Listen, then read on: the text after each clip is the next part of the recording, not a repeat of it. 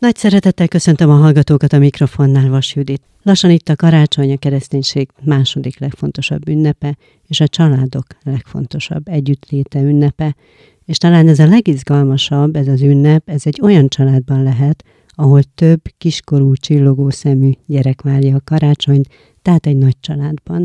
Úgyhogy egy ilyen nagy családos apukát hívtam el, Köszöntöm szeretettel Zentai Lászlót, az Eszterházi Károly Katolikus Egyetem Hallgatói Támogató és Szolgáltató Központ információs és tanácsadó irodájának vezetőjét, ki négy gyermek apukája. Köszönöm szépen, hogy eljöttél hozzánk. Szervusz Judit, és nagy szeretettel köszöntök mindenkit, aki hallgatja. Mielőtt arról beszélnénk, hogy hogyan is zajlik nálatok a karácsony, illetve az advent és a karácsonyi készülődés, előtte arról kérdeznélek, hogy te nagy családban nőttél -e föl?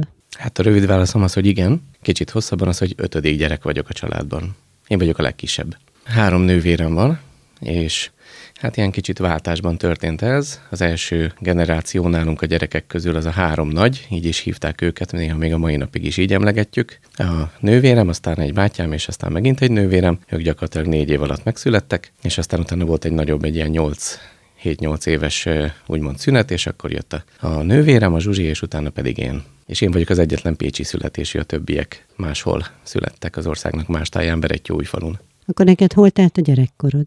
Pécset 11 éves koromig, amíg ugye Egerben nem költöztünk, és hát nem konkrétan bent a városban, hanem a városhoz nagyon közel, talán úgy lehetne leírni, mint Eger és Eger szalók körülbelül, Érdekes, hogy pont Egerszalókon lakom, és oda költöztünk ki. Tehát egyik kis bányász falu, Pécs Somogy ez a neve, és ott szénbányászok, illetve hát ugye uránbányászat is van közel, ott ez a része a pécsi időszaknak, és ott telt.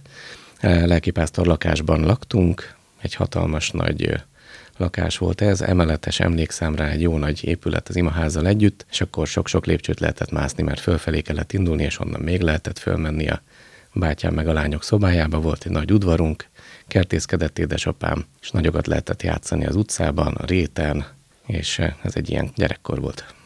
Idillikusnak tűnik, és hogyan érted meg a váltást, erre emlékszel-e? Hát nehezen, borzasztó dolognak tartottam azt, hogy tulajdonképpen tényleg én egyedüliként ragaszkodom ugye egy környezethez, ami az én teljesen sajátom volt, a többiek már azért átéltek egy költözést, meg amikor épült ez az imaházi épület, ahova beköltöztek, korábban annak a helyén egy másik épület állt, azt lebontották, építkezés is volt, akkor ugye beköltöztek a többiek Pécsre, ott volt egy lakása a szüleimnek, tehát ők ilyen mozgalmasabb életet éltek, a nagyobbak, és akkor én pedig ugye, aki már oda születtem az új helyre, az volt az egyetlen otthonom, nekem csak ott voltak barátaim, minden oda kötött, és akkor hát abból kiszakadni egy olyan döntéssel, hogy Édesapám ugye elvállalt egy ilyen meghívást, egy szolgálati meghívást, hogy Egerbe az országnak a túlsó felére átjön. Ez nekem egy elég katasztrofális dolog volt, de aztán utána hála Istennek kaptam barátokat, és be tudtam illeszkedni itt Egerben egy teljesen más környezetbe. Az általános iskoládat a faluban végezted, tehát oda jártál suliba, vagy Pécsre bejártál?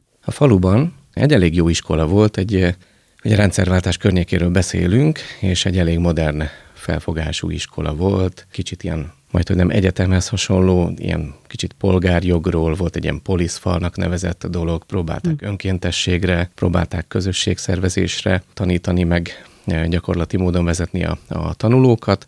Volt szerintem nagyon jó tehetséggondozási program, kamerás felvétellel saját verseinket szavaltuk, énekeltünk, volt ilyen előadó művészet, tehát eh, amit csak lehetett egy ilyen kis bányász faluban, az irodalomtanár igazgató és lelkes eh, fiatalabb tanárok, akik Pécsről jártak a, a faluba, ők azért mindent megtettek. Oda jártam eh, ötödik osztályig. Vissza szoktál járni esetleg, vagy akár a gyerekeidet elviszed, hogy na itt van a szülői ház, apa itt nőtt föl? Mind a kettő igaz nem olyan nehéz dolog ez, mert a nővéremék, aki már ugye az egyik nővérem oda ment férjhez, ugyanebben a faluban élnek, az egy gyerekszerelem volt nekik gyakorlatilag, és három gyerekük van, ma is ott van a házuk, nem messze az imaháztól, csak néhány száz métert kell följebb menni a, a parton, és akkor, és hát nyilván oda azért el szoktunk ugye látogatni, nyáron, télen, stb. Úgyhogy igen, tehát ismerik a, azt a környéket a, a gyerkőceim, és beletaláltál, mert az iskolát azt pont most mutattam meg a kisebbeknek, hogy hova jártam, körbe is mentünk autóból, pont esett az eső, de, de meg akartam ragadni az alkalmat, hogy azért megmutassam, hogy ez volt az iskolaudvar, itt mentünk fel, ott volt a kis titkos ösvényünk, igyekszem beavatni őket amennyire lehet. Nagy családban nőttél föl, az imént említetted, hogy nővéredet az egyiket, hogy neki három gyerek van, neked négy, és a többi testvérnek, tehát mindenki vitte tovább azt, hogy nagy családot álmodott meg, és hogy neki is nagy családja legyen. Hát a példa és az álmok szintjén biztosan, a gyakorlatban nem mindenkinél van így. Nyilván ez fiziológia, meg sok minden, hogy van, akinek adatik, van, akinek nem. Illetve hát még van egy nővérem, aki talán mostanában fog férjhez menni, tehát ő még előtte áll ennek, és a bátyámiknál pedig egy gyerkőc van, és a legidősebb nővéremiknél két fiú, ők már nem hogy egyetemisták, hanem már dolgoznak, el is végezték az egyetemet. Úgyhogy hát nem azért, mintha ez bármilyen érdem lenne, mert tényleg ajándék, kegyelem, hálauk és öröm és minden, sorolhatnám a, a, ezeket a szívből jövő kifejezéseket, de, de tény, hogy nálunk van a, a legtöbb gyerkőc. De előfordul az is például karácsony idején, hogy ugye nagyon nagy család összegyűlhet, tehát a szülők, a gyerekek, az unokák, nem is kérdezem, hányan vagytok olyankor. Nem is tudnám hirtelen megszámolni. Volt már olyan, hogy összejöttünk, akkor majdnem 40-en, az egy kicsit kibővített család, tehát még ott voltak szüleim, testvérei, stb. Hát az inkább egy kerek születésnap volt, egy nagyobb szervezéssel, egy olyan helyen, ahol szállást is el tudja foglalni a familia, tehát azért így már nem könnyű összejönni, de a családi látogatások azok viszont rendszeresek a Dunántúl és Eger között. Inkább mm. így oldjuk meg. Két-három család szokott így néha összejönni egy-egy kerti sütögetésre nyáron, és aztán utána váltják egymást a Dunántúli testvéreim. Ritkán vagyunk együtt, de de akkor igyekszünk tartalmasan tölteni. Milyen emlékeid vannak még arról a gyerekkori karácsonyról? Hát van egy olyan, mert nagyon sok képet, fotót láttam erről, amikor egy fényképészt meghívtak, szerintem olyan 81 82 körül lehetett. A ismerős fényképész jött el, hogy készüljenek végre normális családi fotók karácsonykor, és hát a, a teljes család, a hat fő rajtam kívül, az ráállt gondolatban erre a dologra, a kis Lacika nagyon nem akarta, és én egy hatalmas hisztit vágtam le, úgyhogy meg vagyok örökítve jó pár képen, amikor a, a mindenféle bútorok alá másztam be, és... Hány éves voltál ekkor? Hát olyan kettő-három között. Mm, igen. Jó, hát érthető. Mint egy őrült művész, úgy nézek ki ezeken a fotókon. Ez, ez mindenképp egy emlék. Van egy olyan is, amikor kaptam egy hintalovat, egy fogadott nagy apám van, nagyon idős volt a édesanyámnak a, az édesapja már, és beteg, amikor én őt megismertem úgy igazán. Úgy is emlékszem rá, hogy már ápolásra szorult, és az ő neki az egyik legjobb barátja volt a Sándor bácsi, és annyira jó barátja lett a családnak, hogy aztán utána egyébként el is költözött onnan Egerbe velünk. Hmm. Tehát ilyen szinten tényleg, mint egy nagyapa, és ő nagy ajándékozó volt, és hát az ő ajándékaira is így emlékszem, például egy hintalóra, meg arra, hogy a hintaló azért nem volt elég, hanem a nővéremnek a pólyásbabáját is elirigyeltem arról a magnó felvétel, amikor sikítok, hogy ez az enyém. Tehát mozgalmasak ezek a karácsonyok, meg arra emlékszem még nagyon, hogy az imaházban ott nagyon sok gyerek volt, tehát több nagy család is volt azért, és elég népes volt a gyülekezet is, és azok a karácsonyi istentiszteletek, azok a közös játékok, a karácsonyfadíszítés, az ajándékozás, ezek mind bevésődtek abszolút a szívemben. Megfogalmazni mondatokban nehéz, de amikor erről beszélek, vagy csak most, hogy kérdezted, úgy elöntenek az emlékképek. Uh-huh. Hoztál-e bármilyen olyan hagyományt, vagy egy olyat, amit te hagyományt csináltál? Tehát mondjuk legyen az akár ételben, vagy, vagy díszítésben, bármilyen szokásban, amit te is átadsz a gyerekeknek? Hoztam, illetve mi magunk is alakítottuk. Tehát én azért úgy gondolkodom, hogy jó is, hogyha egy eh, család próbálja egy ötvözni azt, hogy egy kicsit a régit az újjal vegyíti. Hát a töltött káposzta az mindenképpen, uh-huh. illetve az, hogy természetesen nem maradhat ki maga az ünnepelt a karácsony. Valóban a családról is szól, az együttlétről, a szabadságról, mindenről, amit nem szoktunk a hétköznapi rohanásban és a logisztikában megtenni, ez természetes, de nem tudnám elképzelni anélkül, hogy ne menjünk nem csak hogy a gyülekezetbe, hanem hogy ne énekeljünk otthon, hogy ne vegyük elő az igét, hogy ne gondoljuk át valamilyen mindig kicsit más oldalról, ahogyan éppen a Jóisten adja a karácsonyi történetet valamelyik evangéliumból. Aztán a gyerekeknek ugye a, a betlehemes, vagy éppen a vers tanulása, az énekek az imaházban, tehát ez mind hozzá tartozik ahhoz, amit úgymond hoztam, és ami szerintem így belém épült, ez, ez mindenképpen családi és gyülekezeti örökség, de azért meg is bolygattuk egy kicsit ezt a, a feleségemmel így az évek során, és nálunk például kialakult az, hogy én ugye december 23-ai vagyok, ez a születésnapom.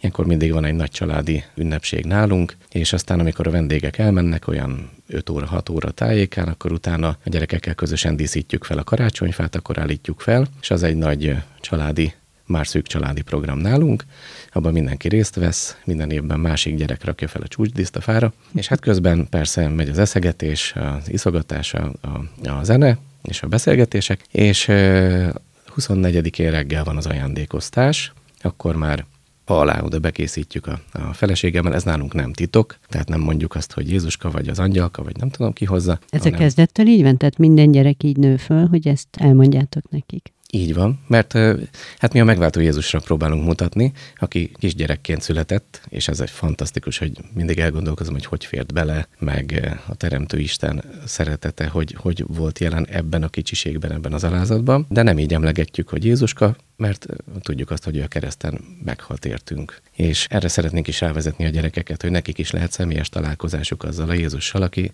azért jött, hogy aztán az életét adja, és így adjon megoldást, és erre mindig a karácsonyi történetnél is azért rámutatunk, hálát adunk ezért. És a, hát így gyakorlatilag az ajándékozás az ugye arról szól, hogy megünnepeljük a, a szeretetet, ami a mennyei szeretetből táplálkozik, és egymásnak adunk ajándékokat. Tehát Szeretetből. Ezt, így van, és ezt nem lengi körül nálunk annyira, ez a fajta karácsonyi titok. De egyébként volt olyan, amikor gyerekkoromban anyukám talán bepróbálkozott egyszer, hogy akkor föl kellett mennünk az emeletre, fadíszítés volt, csengetett, stb., de szerintem az annyira ő is érezte, hogy nem feltétlenül jön be a mi családunkban. Feleségeddel Egerben ismerkedtél meg, vagy valahol máshol, de aztán itt ő is ide költözött? Ő teljes mértékben egri, tehát én vagyok a gyűjtment, gyűjtment. ahogy mondani szokták. 91 óta élek Egerben, így ugye 11 éves korom óta, ő pedig hát Egerben született, és itt ismertem meg gimnáziumban.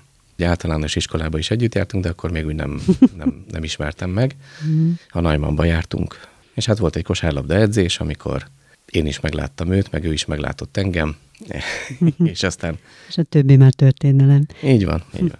Ez akkor ne számoljuk ki, hogy milyen kamaszkori szerelem, vagy hány éves kamaszkori szerelem, de hát már azért van benne idő. Hogyan születtek meg a gyerekek, milyen sorrendben? Hány évesek most a gyerkőcök? Emma lányom a legnagyobb, ő 14 lesz most februárban, talán még nem sértés vagy öregítés, hogyha most még úgy előre mutatok. Nagyon-nagyon komoly fiatal hölgy. Azután a 12 éves Benedek fiam következik, a Benink, és utána pedig volt egy gyerkőcünk, akit el kellett engedjünk. Ő a mennyben van. Mindig azt szoktam mondani, hogy négy gyerkőc, öt gyerkőcünk van. De négyet nevelünk. Négyet nevelünk itt a Földön, igen. Ő a Johanna lányunk volt, őtől el is búcsúztunk hat órácskát élt itt a, a Földön a betegség miatt, de megszületett rendben, és ezért azért hálásak voltunk, hogy láthattuk, kézbe foghattuk. És utána a Pannikánk nem sokára megszületett, ő most 7 éves, nyári gyerkőc, és az alán a legkisebb, ő pedig most lesz januárban 5. Mennyire volt tudatos döntés közösen az, hogy több gyereketek lesz? Ennek egy kis sztoria van, mégpedig az, hogy amikor már eldöntöttük, hogy összeházasodunk, akkor nyilván az ember beszélget az életnek a különböző dolgairól, tervezget, hogy majd így lesz, úgy lesz. És hát ő három... meg ő is ugyanezeket az értékeket hozta egyébként otthonról? Tehát mondjuk ő is vallásos hívő ember, vagy, vagy őt te vonzottad be aztán? Hát ő otthonról így nem, hanem volt némi háttere, nagymama útján néha eljutott templomba, de, de ő nem is hitt egyáltalán, igazából abban gondolkozott, hogy teljesen megszűnik a, a halállal a, a földi lét, és hát én hívtam el aztán egy, mm. egy ilyen alkalomra, és ő, hát hogy a 90-es évek vége felé tért meg, ezt mi így mondjuk, tehát akkor fogadta be Jézus Krisztust, már felnőtt fejjel. Sokat leveleztünk, sokat beszélgettünk erről. És egyébként próbáltam is figyelni rá, hogy Nyilván az ilyen lelki beszélgetések, mély beszélgetések, azok egy férfi meg egy nő között, vagy hát egy fiatal lány meg egy fiú között egy komoly kapcsot jelenthetnek, de hogy emiatt így ne szeressen belém, vagy ne erre épüljön a, a, a kapcsolat, mert én tényleg segíteni szerettem volna neki, hogy azt, amit keres, azt megtalálja, meg ahogyan Isten őt megszólította, hadd szólítsa tovább, hogy vezesse tovább. És épp ezért ugye lányok körébe protezsáltam be, meg jött a gyülekezetbe, de aztán utána viszont úgy alakult uh, Istennek a vezetése, egész konkrét dolgokkal, hogy, hogy felismertük, hogy igen, nem baj az, ha mi összeházasodunk, sőt, Uh-huh. Ez, ezt az áldást készíti nekünk a Jóisten. És hát ő végül is ugye gimnázium évei vége felé beismerítkezett, és így akkor a gyülekezetünk teljes tagja lett, úgyhogy innentől meg már teljesen egy úton megyünk tovább. Változtatott volna, buta kérdés, mert nyilván sok mindenben változtatott volna, de úgy benned, ha ez nem történik meg? Tehát, hogy nem merítkezik be, nem tér meg.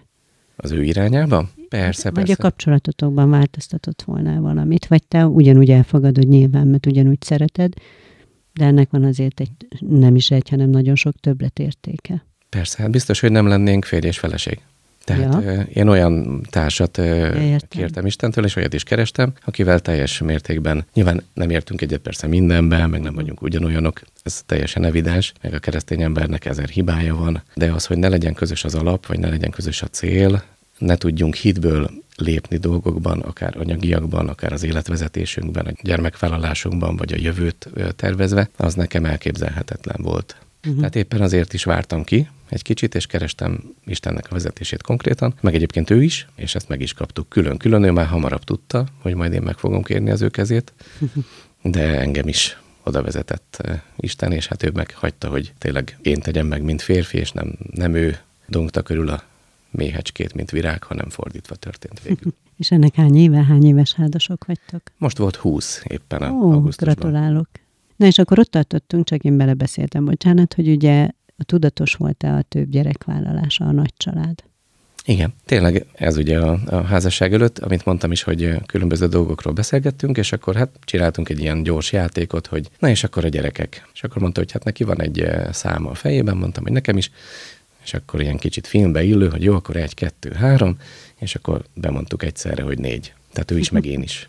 Mhm. Úgyhogy ez még a házasságkötésünk előtt talán, nem tudom, hogy már jegyesek voltunk-e, vagy még esetleg az előtt volt, de hát ezt terveztük, meg ez volt ugye a szívünkbe közösen. Aztán, hogy ez így alakult, végül is egy lehetett volna öt is, meg utána volt még egy terhessége a feleségemnek, ott egy, egy vetéléssel búcsúztunk, tehát végül is hatot adott Isten, de úgy is felfoghatjuk, hogy négyet adott. Többiekkel meg majd találkozunk.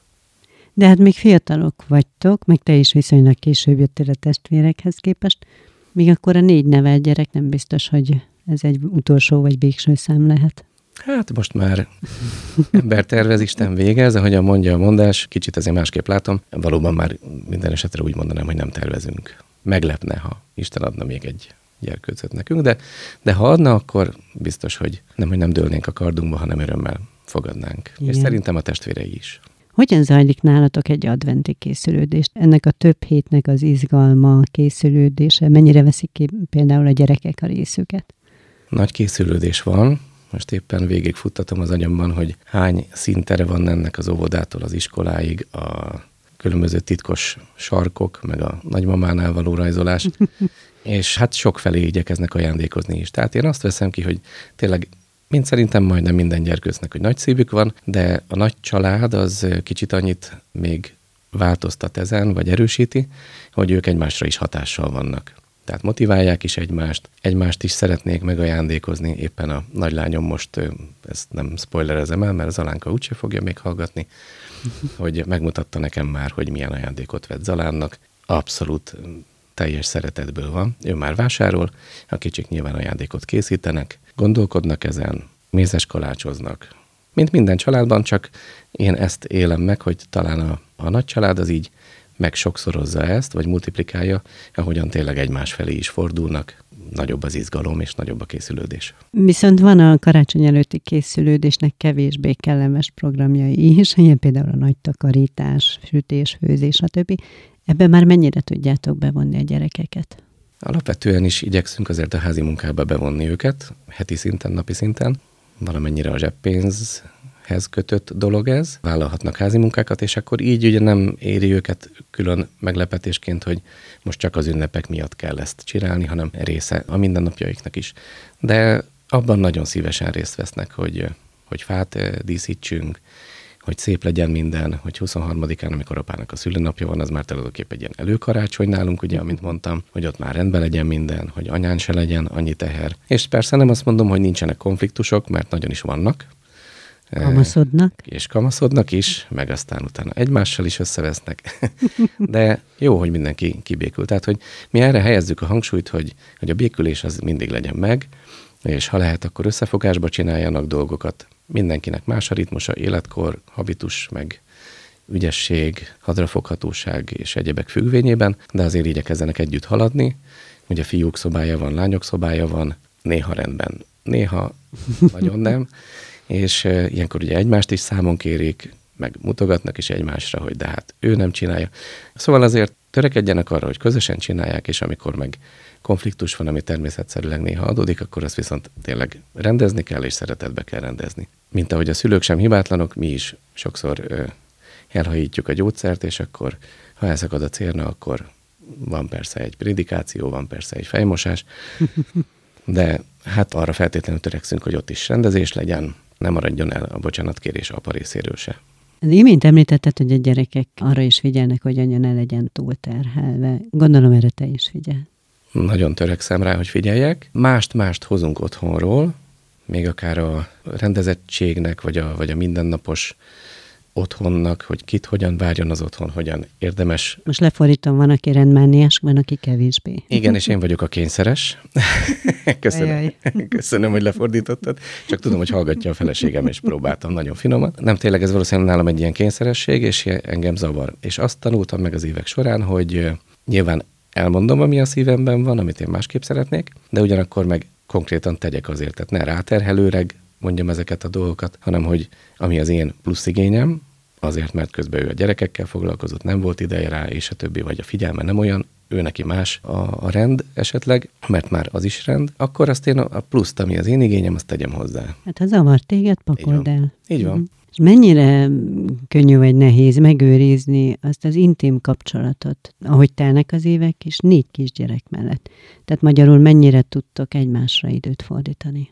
Napi szinten néha nehéz ez, küzdünk ezzel a dologgal, hogy ne csak a napi menedzselés legyen, hogy akkor kinek milyen edzése van holnap, kit hoz el apa, ki jön haza busszal, és a többi. Egyébként én ezeket nem is tudom megjegyezni, tehát mindig a feleségemet kérdezem, hiába van benne a naptárban, az a biztos, amit megbeszélünk. A logisztika nem az erősséged.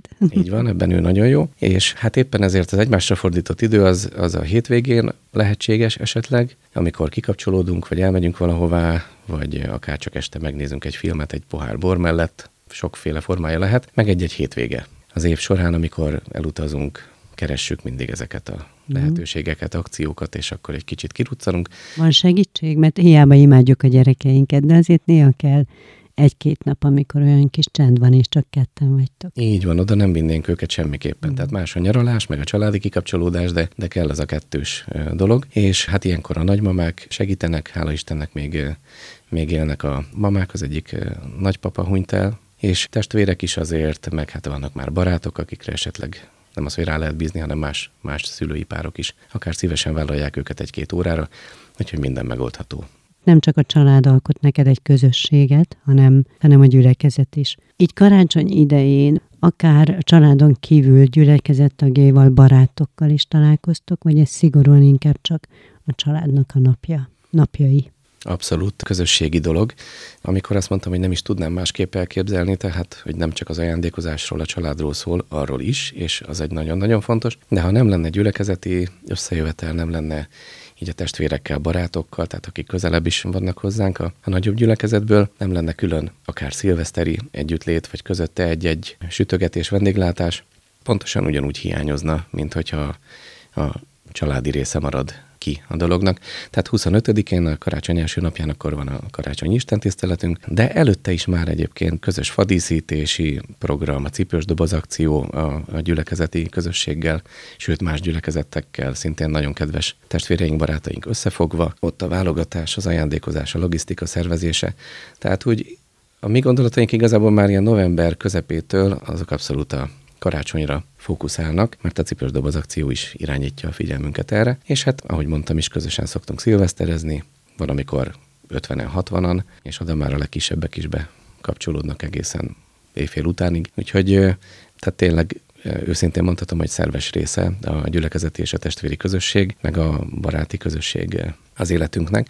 És ez nem azt jelenti, hogy amikor összejövünk, akkor mindig éneklünk, meg mindig előkerül a, a, a Biblia, és csak a hitről beszélgetünk, hanem ezek teljesen átlagos, normális, emberi szeretett kapcsolatok, barátságok, csak közben megvan az a teljesen biztos alap, ami összeköt bennünket. És hogyha egyébként bárki bejön a gyülekezetbe, és meghívjuk esetleg ebédre, vagy csatlakozik egy ilyen közösségi dologhoz, pontosan ugyanúgy, hogyha ő is szereti Istent, ő is olvassa a Bibliát, erről gondolkozik, milliószor tapasztaltam már, hogy ugyanúgy barátként tudunk azonnal beszélgetni, és hmm. egészen mély dolgokról.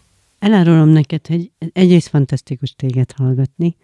Nem tudom, hogy rajtam kívül lehet, hogy szintén megszületik a hallgatóban, valamelyik hallgatóban ez a kicsit talán irigykedve hallgatás is mert olyan nagyon szép a kis mikrocsaládod is, ami nem is kicsi, ugye, mert nagy családod van, a nagyszülőkkel, testvérekkel, szintén egy következő nagy család, és ugye ott van a gyülekezet, a harmadik nagy család, tehát, hogy, hogy ennyire sok impulzusból kapsz egy olyat, meg nyilván a hited, hogy ugye az ember lelkileg nagyon jól lehet, vagy nagyon kiegyensúlyozott lehet. Van-e bármilyen kívánságod ilyenkor karácsonykor, akár a családdal kapcsolatban, magaddal kapcsolatban, és akár mondjuk az új évre vonatkozólag. Szoktál-e például számvetni ilyenkor? Főleg, hogy szülinapod is van. Ó, oh, hogyne, igen. Amúgy is ilyen nagy summázó vagyok. Igen? Igen, igen. Én szeretek gyerekek szülinapjakor is mindig visszatekintünk az elmúlt egy évre. Ha elszabadulunk Rékával egy-egy vacsorára együtt, akkor is hát általában én vagyok az, aki felhozza ezt, hogy hol tartunk most, mi volt a jó, mi Ez volt. Fontos a... neked, hogy így átlást, hogy így egy kicsit rendszer legyen. Igen, igen. És a konklúzió is, hogy mi az, amiben sokkal jobbak lehettünk volna, mi az, amit esetleg elrontottunk, amiben fal kezdett épülni közöttünk, és hogy akkor azt tudatosan állapítsuk meg, romboljuk le, kérjünk bocsánatot, ha kell, imádkozunk érte közösen, ez egy eh, személyes élményem, amikor ház felújításban voltunk eh, egy évvel ezelőtt, novembertől egészen februárig tartott, és a kis régi nyári konyhába költöztünk eh, ki. Ott vészeltük át a gyerekekkel a, a három hónapot, karácsony is benne volt. Ez ilyen 30 négyzetméter.